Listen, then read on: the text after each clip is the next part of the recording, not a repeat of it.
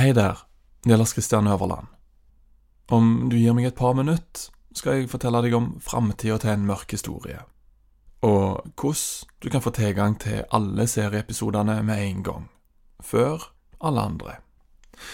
Vi på Third Air Studio vil lage noen av Norges beste dokumentarer, og vi fortsetter å produsere en mørk historie, oftere og enda mer ambisiøst.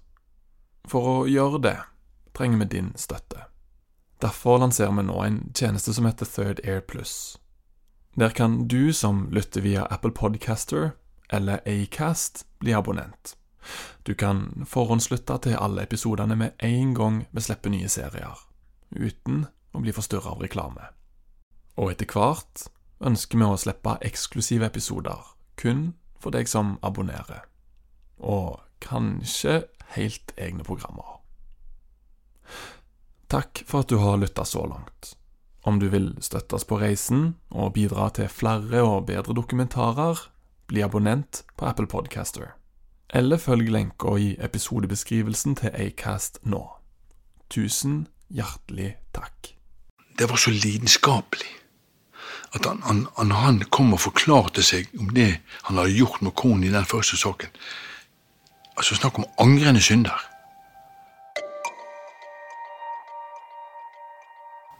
Men, men, men det, var, det, var så, det, lyste anger av hele mannen. altså. Hvert år offentliggjør Kripos en oversikt over drapene i Norge.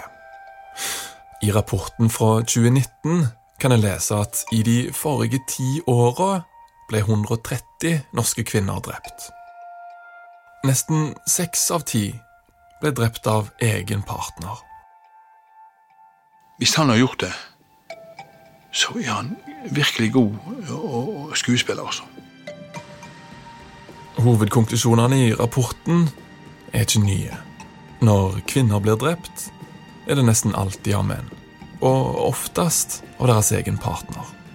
Men bak disse enkle tallene og statistikkene gjemmer det seg kompliserte historier.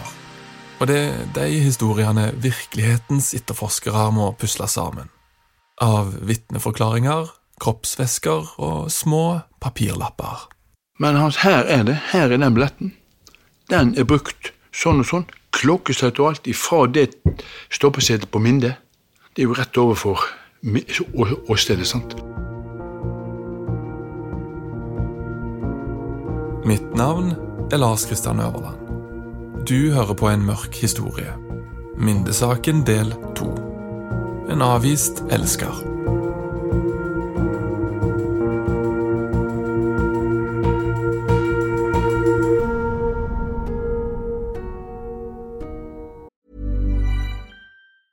Planning for your next trip? Elevate your travel style with Quince. Quince has all the jet setting essentials you'll want for your next getaway, like European linen, premium luggage options, buttery soft Italian leather bags, and so much more and is all priced at 50 to 80% less than similar brands. Plus, Quince only works with factories that use safe and ethical manufacturing practices.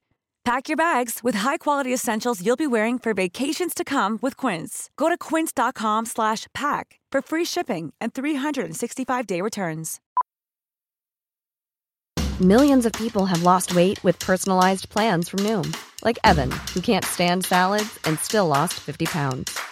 Salads, generally, for most people, are the easy button, right? For me, that wasn't an option. I never really was a salad guy. That's just not who I am. But Noom worked for me. Get your personalized plan today at Noom.com. Real Noom user compensated to provide their story. In four weeks, the typical Noom user can expect to lose one to two pounds per week. Individual results may vary. Som du allerede vet, har jeg slutta meg til den lille gruppa mennesker som ikke har gitt opp å komme videre i etterforskninga av den 27 år gamle saken fra Minde. Du husker kanskje òg at jeg kontakta rettsmedisiner Ulin Hansen i Tromsø for å forsøke å finne ut når Fahime døde. For det tidspunktet avgjør nemlig om én av de to mistenkte i saken, nemlig Beros Salomes far, har alibi for drapet eller ikke. Men det her med dødstidspunkt Hun ble funnet eh, 1440, så Og vist seg å være mer komplisert enn som så. i dette tilfellet så var eh, den avdøde iført en nattkjole og var ikke tildekket utover det. Det var ikke noe dyne over henne når hun ble funnet. Det er forventa at temperaturen synker ca. en halv til én grad de første timene. da. Så jeg har kontakta enda en ekspert i Oslo. Så den delen av etterforskninga må vi skyve litt lengre fram i tid. Mens jeg venter på konklusjonene om når Fahime døde, er det en annen ting som dukker opp. Hva er grunnen til at Harald Budal stadig tenker på det gule beltet som han aldri fant? Og hvorfor stiller Salome opp til intervju i en så vond sak? Med andre ord, er det ikke bedre å bare la fortida være, og forsøke å gå videre? Det er derfor jeg har tatt kontakt med en av de som har mest erfaring på uoppklarte drapssaker i Norge, Espen Erdal. Ja, jeg heter Espen Erdal og er leder og politiinspektør for eh, det som har det norske navnet Seksjon for kalde saker på, på Kripos, eh, den såkalte cold case-enheten. Eh, Vår oppgave er å se med nye øyne og i dagens eh, lys på, på eh, alvorlige uoppklarte saker. Det skal snart vise seg at jeg får en del flere ting å spørre Espen om. Men i første omgang hjelper han meg å forstå hvorfor Salome stadig river opp de gamle såra. Men en uløst drapssak sett fra ofrenes familie, hva, hva, hva, hva er det for noe? Hva er det for de i livet deres? Det er vel eh, å si, sår som aldri gror, eh, generelt sett. Men, men eh, samtidig så er, er det veldig mange av disse som forteller meg at eh, eh, skal de klare å komme videre, så trenger de et svar på hva som faktisk skjedde. Og, og, og mitt inntrykk er at det handler ikke så mye om eh, hevntanker og, og den type ting, men det, det, det er mer det at de har eh, et, et inderlig behov for å vite hva, hva skjedde med, med min kjære den gangen. Og på en måte gjentok jeg avhøret som begynte dagen Salome fant mora drept på soverommet. Men jeg husker at jeg måtte tegne en eh, tegning, et kart over soverommet. Kommoden og nattbordet og sengen og hvordan mamma lå.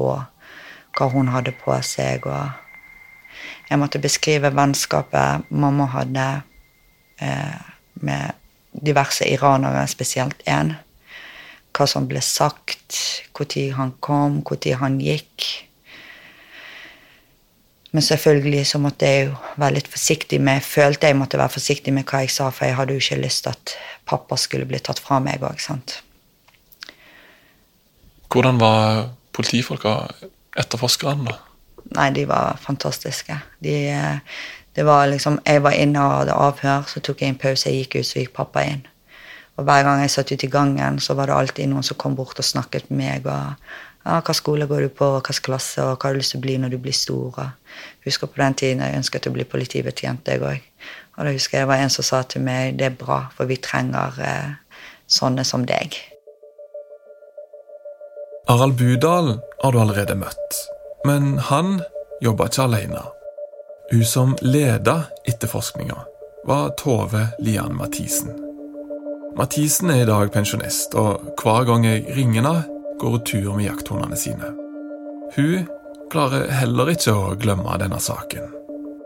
Det var nok ikke tilfeldig at det var hun som fikk jobben med å avhøre 14 år gamle Salome. Så nettopp hadde funnet mora si i senga. Avhør har nemlig alltid vært Mathisen sin spesialitet. Jeg tror at jeg var flink å snakke med folk. Få ut opplysninger fra folk. Det, det tror jeg faktisk at jeg var. Gjennom en lang karriere har Tove Lian Mathisen sittet på andre sida av bordet for en rekke voldsmenn, og lært et og annet om avkrokene i menneskesinnet. Når du har jobbet eh, så lenge i forskjellige miljøer og med forskjellige eh, folk, sånn, så, så er det egentlig ingenting som forbauser deg lenger. Altså, du, du ser at alt er mulig. Det er liksom bare fantasien som setter begrensninger for hva du kan finne på. Men etterforskere møter ikke bare forbrytere, men også 14 år gamle jenter med et liv som nettopp har kollapsa. Det var så langt avhør at jeg var så utslitt. Jeg husker hun På slutten skulle hun lese gjennom det vi hadde gått gjennom, og jeg sovnet. Og så bare åpnet jeg øynene og så på henne. Jeg, jeg så i øynene hennes hun syntes det var så synd i meg. For jeg måtte gå gjennom dette avhøret. Og det var jo Jeg var jo så utslitt. Jeg ville jo bare hjem og sove. Etterforskningsleder Tove Lian Mathisen har aldri mista kontakt med Salome. Hun er òg en av de som ikke klarer å glemme drapet på Minde. Akkurat som partneren Harald Budal, som så tydelig husker avhøret med Salomis far, Beros. Det ble hans jobb, fordi Budal kjente mannen fra den tidligere saken, hvor Beros hadde slått sin ektefelle. Ifølge statistikken den mest sannsynlige drapsmannen. For alle, liksom, tenkte jo ektemannen med en gang. Jeg hadde jo snakket jo mye med han. Når jeg hadde han inne til avhør i den første saken. Altså, reaksjon på en som har gjort noe sånt Hvis han har gjort det, så er han virkelig god og skuespiller, altså. Hva slags reaksjoner var det du fikk som, som Ja, altså når han, når han kom og skulle avgi forklaring i den første saken Altså, jeg ser på han når han kommer at du er skyldig. Han kom, bøyd hodet, og sa med en gang han kom inn på kontoret mitt Ja, det er jeg som har gjort det. Når Beros innrømmer skyld her, så er det altså i den første saken, hvor han slo Faime. Harald Budal mente han etter det kjente Beros, og på tross av både statistikk og hva mange mente, trodde ikke han at Beros var gjerningsmannen i drapssaken. For dersom han hadde gjort det, mente Budal, at han hadde kommet til å innrømme det, sånn som han gjorde forrige gang i voldssaken. Kom en gang. Det er, ja, det er meg. Bøyd hodet. Det var vanskelig å feste blikket, men han, men han, han satt sånn og, og takket meg veldig når han gikk. og, og? Så, så han erkjente straffskyld også. Sant? Så, så jeg tror at denne mannen her Hadde han gjort en slik gjerning som det der med den konen Det var så lidenskapelig. At han, han, han, kom og forklarte seg om det han hadde gjort med konen i den første saken. Altså Snakk om angrende synder. Men, men, men det, var, det, var så, det, det lyste anger av hele mannen. altså. Hadde han på noe som helst tidspunkt ikke snakker sant, så hadde jeg, så hadde jeg tatt han på løgn. altså. Det her er altså Budal sin egen magefølelse fra avhøret. Og veldig opptatt med at det skulle, det skulle snakkes sant. Så jeg har veldig vanskelig for å godta at, at uh, han uh, Men den teorien Jeg har ingenting Jeg kan ikke si noe imot det med denne med, med kroppstemperatur osv. osv. over tid. Det med kroppstemperatur kommer vi tilbake til. Det er nemlig viktig for å finne dødstidspunktet. For eh, selv om Budal sin magefølelse sa at Beros ikke hadde drept sin Faime, mangla han noe viktig. Alibiet til ektemannen. Eh, Men der klarte vi også uh, gjennom, gjennom busselskapet å, å, å, å komme til at uh, at han hadde reist med bussen på et tidspunkt og vært der nede. Rettsmedisineren Inge Morild, som undersøkte Fahim etter drapet, mener hun mest sannsynlig ble drept rundt 14.00. Men kan ikke med 100% sikkerhet utelukke et så tidlig dødstidspunkt som 12.30. Beros, som tok bussen til jobb, hadde en billett som var stempla 1233. Og på jobb var han observert av vitner. Han hadde altså alibi. Her er det. Her er den billetten. Den er brukt sånn og sånn klokkeslett og alt ifra det stoppesetet på Minde. Det er jo rett overfor åstedet, sant. Og til byen. Da jobbet han bort med Eldorado midt i sentrum. Sant? Så, så, så det var jo en grunn med på å eliminere han vekk som mistenkt. Og det tok ganske kort tid, når vi fikk klarhet i hans forklaring, at den var, den var, den var banker, altså. Den var vanntett. Kort fortalt, med de to tekniske bevisene, altså dødstidspunktet satt av rettsmedisineren, og bussbilletten, ble altså Faime drept etter Beros dro hjemmefra. Han ble derfor fjerna fra den korte lista av mistenkte, og politiet brukte ikke mer tid på å etterforske verken han eller tidspunktet for drapet. Det her skulle senere vise seg å være avgjørende for saken. Så måtte vi se på, se på eh, neste spor. Og det sporet vi hadde her, det var jo mot han som ble tiltalt. Han som Budal prater om, er mannen vi kaller Amin. Om det plutselig hører stillhet, så er det navnet hans vi har klippet bort. Amin var han som Beros ikke ville ha rundt si kone like før drapet. Men som ofte sykla ned til det grønne huset i Snarvei når Beros var på jobb. Det er vanskelig å si med sikkerhet hvilken relasjon Amin og Faime hadde. Men i avhør forteller Beros at Faime innrømmer å ha sex med Amin. Og venner av Amin reagerer på at han skryter av det samme. Amin derimot benekter dette. Men både Salome og Beros forteller at like før drapet hadde Faime sagt at hun skulle avslutte relasjonen. Denne avvisninga blir motivet til politiet i etterforskninga.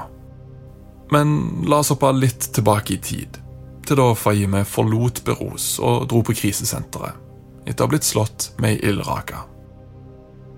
Hadde de fortsatt kontakt, da? Ja. Jeg eh, husker jeg gikk på krisesenter, og min plan var jo å overtale hun for å komme hjem igjen. Og på et tidspunkt mens jeg var der, så ringte hun til sin for å spørre om han kunne komme og hente oss, bare for å få meg ut derfra. For vi var jo med mange andre kvinner. sant? Og jeg husker Han kom og hentet, han lånte seg en bil, han kom og hentet oss, og vi kjørte et sted, og vi spiste is. Og så kjørte han oss tilbake igjen. Så han var på en måte en, en støtte for henne i denne situasjonen, da? Ja, det var han. En av få voksne hun hadde, kanskje? Det var det eneste voksen hun hadde. Men det ble snart klart at drapet ikke var slutten på dette trekantsdramaet. For eh, mens Beroes begynte å gå i oppløsning, og 14 år gamle Salome måtte arrangere begravelsen til sin egen mor, forsvant ikke Armin ut av familien sitt liv. Jeg husker eh, i begravelsen, da var det planlagt hvem som skulle bære kisten. Eh, Og når alle reiste seg for å bære kisten, så plutselig så sto han der med kisten. Vi så ikke hvor han kom fra med en gang. Og det var ikke plass til han å holde kisten. Han holdt kanten av kisten for å bære den inn, bare i navn og ta i kisten. Jeg husker jo det også, det var en som faktisk ba han gå vekk. Eh, Kisten ble båret ut og ble satt i bilen. Eh, Vi gikk eh, og satte seg i bilen til en kollega av pappa. Jeg gikk først i bilen, og så kom pappa og satte seg ved siden av meg. Og det var faktisk på vei til å sitte seg i bilen sammen med oss. Og da måtte min far eh, snu seg og bare gi han et spark. På en måte skubbe han vekk og lukke døren. Eh, etter begravelsen så var det et seremoni på Bergen internasjonale kultursenter med mat og diverse. Og min far orket ikke at han skulle dukke opp, så han satt to stykker ned i døren for å ikke slippe han inn. Men sånn som vi forsto det, at han dukket opp også på seremonien, men de slapp han ikke inn. Som eh, drapsstatistikken så kjølig viser, er det ingen motsetninger mellom at mennesker har nære relasjoner og slår hverandre i hjel. Snarere tvert imot. Og det var kanskje derfor Amin dukka opp i kikkerten til politiet. Men eh, da han ble avhørt, avviste han dette.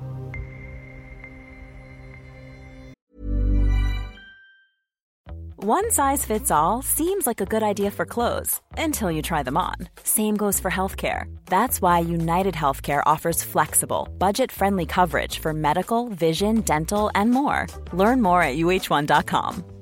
There's never been a faster or easier way to start your weight loss journey than with PlushCare.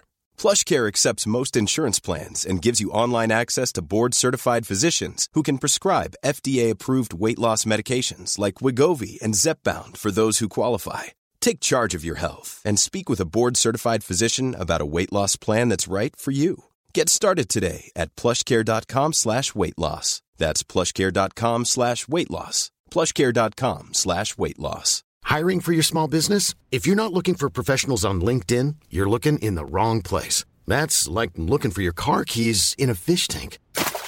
LinkedIn helps you hire professionals you can't find anywhere else, even those who aren't actively searching for a new job but might be open to the perfect role. In a given month, over 70% of LinkedIn users don't even visit other leading job sites. So start looking in the right place. With LinkedIn, you can hire professionals like a professional. Post your free job on linkedin.com/people slash people today. Millions of people have lost weight with personalized plans from Noom, like Evan, who can't stand salads and still lost 50 pounds. Salads, generally, for most people, are the easy button, right? For me, that wasn't an option. I never really was a salad guy. That's just not who I am. But Noom worked for me. Get your personalized plan today at Noom.com. Real Noom user compensated to provide their story. In four weeks, the typical Noom user can expect to lose one to two pounds per week. Individual results may vary.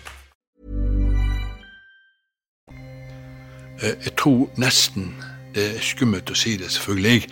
Men eh, uansett hva vi hadde kunnet lagt på bordet her, så hadde han hatt en forklaring på det.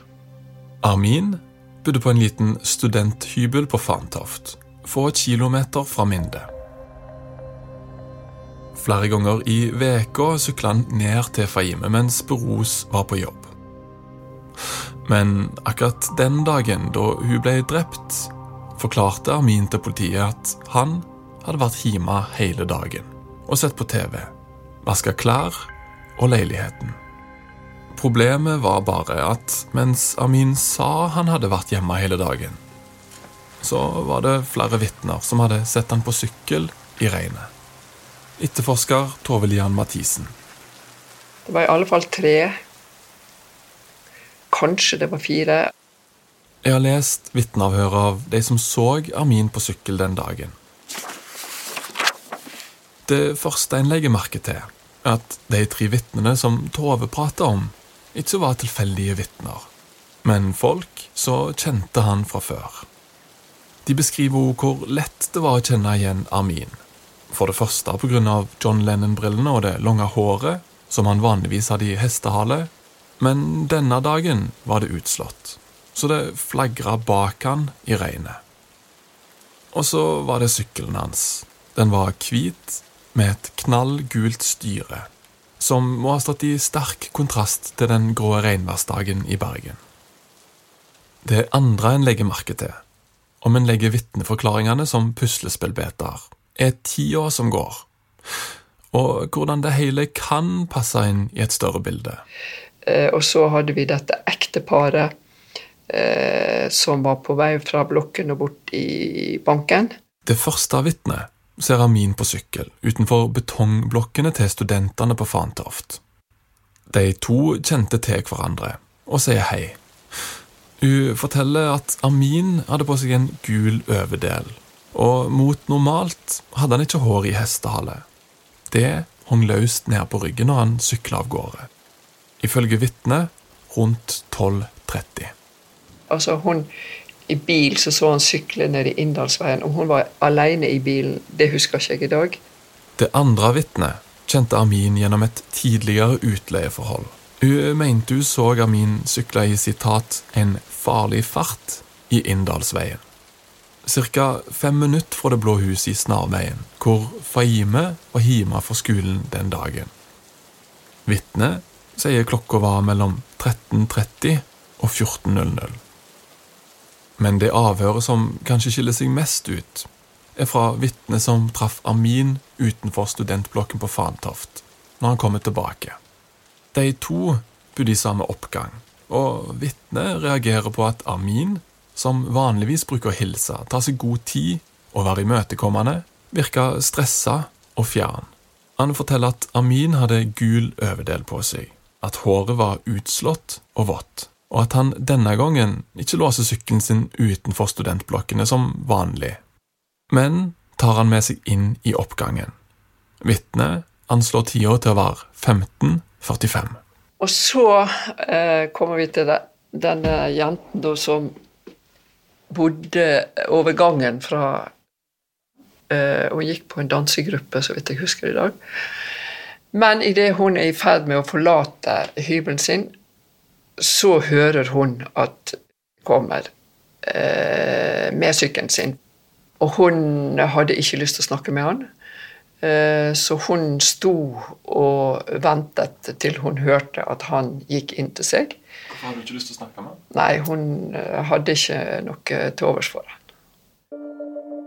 For eh, Lian Mathisen og Harald Budal, som går ut fra at Fahime ble drept rundt klokka 14, passer vitnene som ser Amin på sykkel, inn i et større bilde.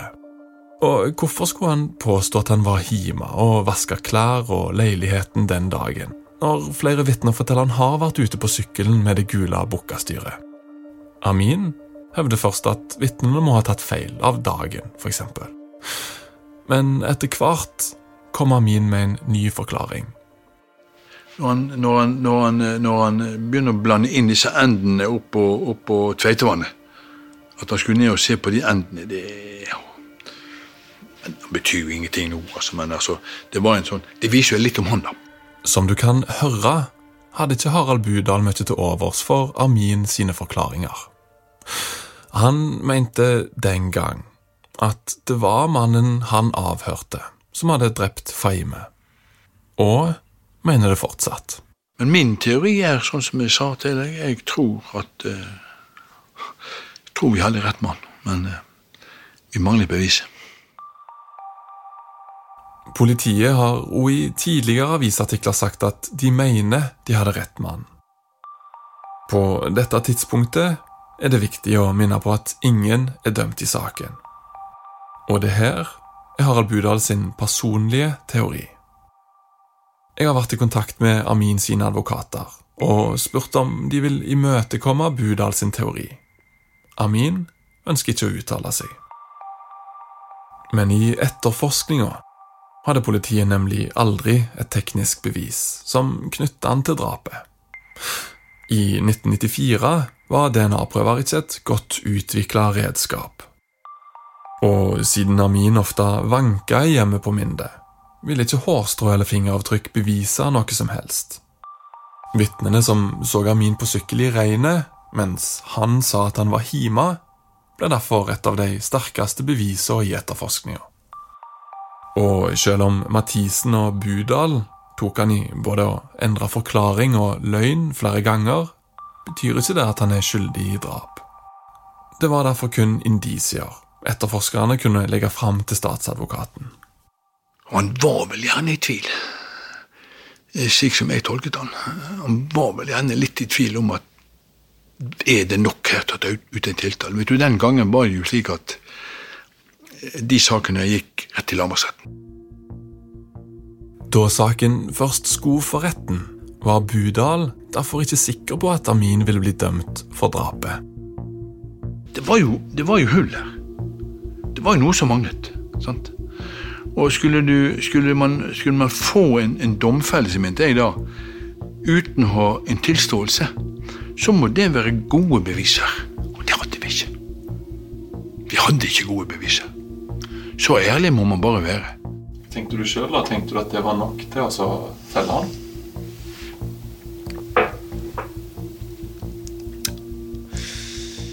Eh, både ja og nei.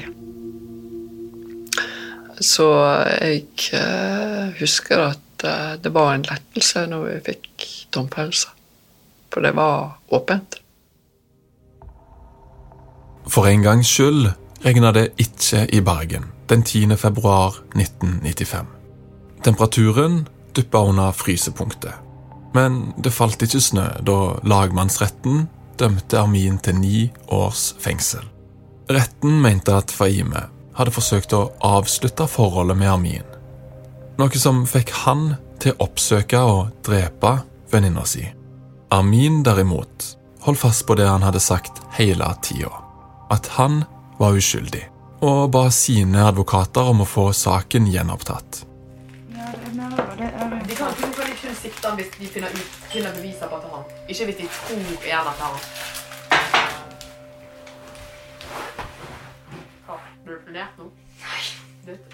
Om du har lytta fra begynnelsen, så vet du allerede at Amin sin dom her ikke er siste ord i saken. For nå, 25 år seinere, finnes det fortsatt ingen avslutning. Men eh, det usagte, hemmelighetene og de svarene en ikke får, forsvinner aldri. De følger med en som usynlige vekter en sleper med seg gjennom livet. Derfor har Salome ikke gitt opp å få svar på hva som skjedde med hennes mor. Til tross for at hennes eldste barn nå er eldre enn hva hun sjøl var da Faime ble drept. Hei, Anne. Velkommen. Takk for det. Stikk på. Og det er her Ørjan Hesjedal kom inn i bildet. Ja, går bra? Han er privatetterforsker. En sånn fyr som bruker kvelder og helger på gamle saksdokumenter. Det kan være verdt å nevne at Ørjan ikke tar seg betalt for jobben han gjør for Salome. Han virker til å være drevet av saken i seg sjøl, og forsøke å komme et skritt lengre. tenker man at det, hvorfor, hvorfor skal det være altså Jeg skjønner jo at det, det er ikke alltid like lett å løse sånne saker. sant? Men uh, utrolig urettferdig at det, jeg sitter igjen med uten svar. Det er jo mange der ute som gjør det. ikke sant? Ørjan mener det ikke er lett å komme videre i saken med å lese gamle avhørsrapporter, og mener at det kanskje er en annen vei som er bedre. det, det, I dag så er det nok eh, sannsynligvis ikke eh, noen andre måter å løse den saken på enn å finne altså, objektive mm, bevis som kan si noe relativt treffsikkert om skyld og uskyld. Men det, Har, har, du, har du spurt etter, etter konfiskerte ting fra drapsstedet? Jeg, jeg har det. Jeg har liksom prøvd å kontakte dem og spørre om det finnes, eh, om det finnes noe der. Og da, er det, da får du bare et verbalt svar og så sier nei, det, det er ikke noe der. Men det er ingen som sjekker. Det er ikke bare Ørjan som mener at de tause vitnene er veien videre når en gammel sak skal løses. Det samme sier leder av Cold Case-gruppa, Espen Erdal. Jo, vi, vi konstaterer jo at det generelt sett hersker større usikkerhet knyttet til informasjon som kommer frem gjennom eh, nye vitneavhør mange år etter at et, eh, et drap har skjedd. Og det er som eh, oftest også langt vanskeligere å kontrollere ny informasjon når det har gått eh, så lang tid. Og derfor, eh, og nå snakker jeg generelt, så er det størst sjanse for å oppklare en, en gammel sak hvis man kan lykkes i å finne kriminaltekniske bevis som knytter noen til, til eh, drapshandlingen. Men det, det forutsetter imidlertid at man har materiale som kan eh, undersøkes. Et teknisk bevis eller en ny ledetråd er det politiet behøver for å gjenoppta saken.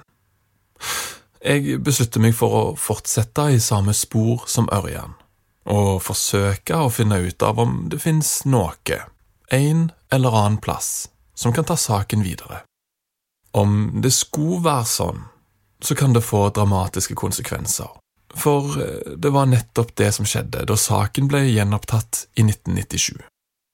Den gang satt Amin i fengsel, men eh, da saken skulle opp for retten på nytt, gjorde Beros noe som satte saken i et helt nytt lys. Det er jo en, det er en helt vanvittig scene, tenker jeg da. Ja, det er en helt vanvittig scene. Det er jo egentlig det, og det Det her er Bjørn Asle Nord. Han er enda en av de som ikke klarer å legge Minde-saken bak seg. Bjørn Asle er journalist, og i 2014 skrev han en lengre artikkel for Bergens Tidende om historien til Salome. Jeg har tatt kontakt med han for å forsøke å komme litt nærmere det som skjedde, da saken ble gjenopptatt. For når nyheten kom ut, ble nemlig Beros funnet i sin egen sofa. Framoverbøyd i en sofa, at han hvilte hodet på bordet. Han har vært død ei stund, kanskje et døgn. At han hadde en kroppstemperatur på linje med romtemperaturen, 20,3 grader. Han det av rapporten, da. Foran Beros, på bordet han hviler pannen på, ligger Bergensavisa, oppslått på en reportasje om at Minde-saken skal gjenopptas. På sida av avisa ligger et selvmordsbrev. Han sa at han ikke klarte å gå gjennom denne hendelsen, tragedien, på nytt og oppleve dette helvetet på nytt. Og, for, og, og det er relevant i forhold til det uoppklarte drapet, da, så er jo det kanskje Og så er jo dette relevant til det. Det, det virker som han eh, Han opplever at eh, nå rettes mistanken mot han når saken gjenopptas. Helt, helt klart. At, at han virker jo som en person som var i stand til å tenke sånne tanker, og det er jo naturlig å tenke sånn, fordi at det var sjalusien i bildet. Og det var en komplisert en sånn venneforhold. Den, den tredje personen her, Amin, var venn med begge sant? i familien. Og etter hvert virka det som han var bedre venn med henne enn han. Sant?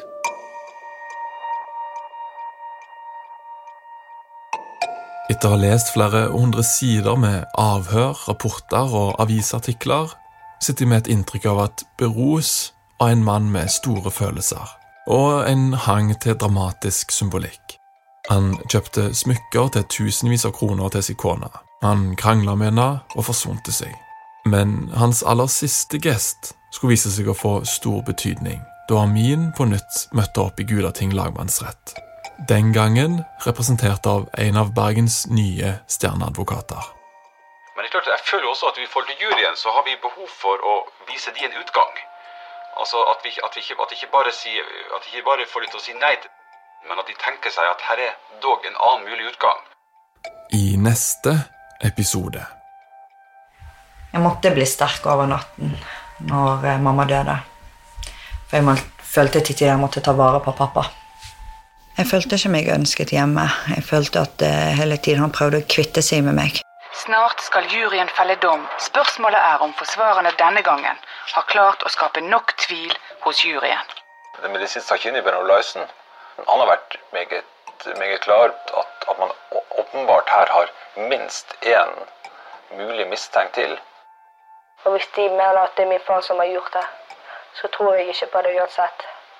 Men jeg kommer sikkert til å ha en liten bit av hat inni meg. Jeg kommer til å hate han så jævlig. For jeg var veldig glad i han før han døde.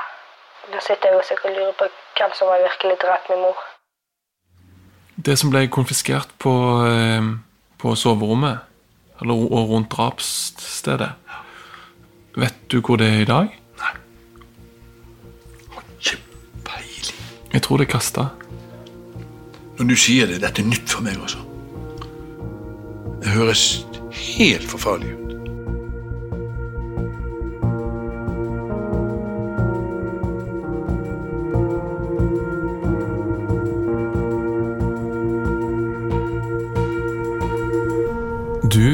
Har hørt på en mørk historie. Mindesaken, episode to. En avvist elsker.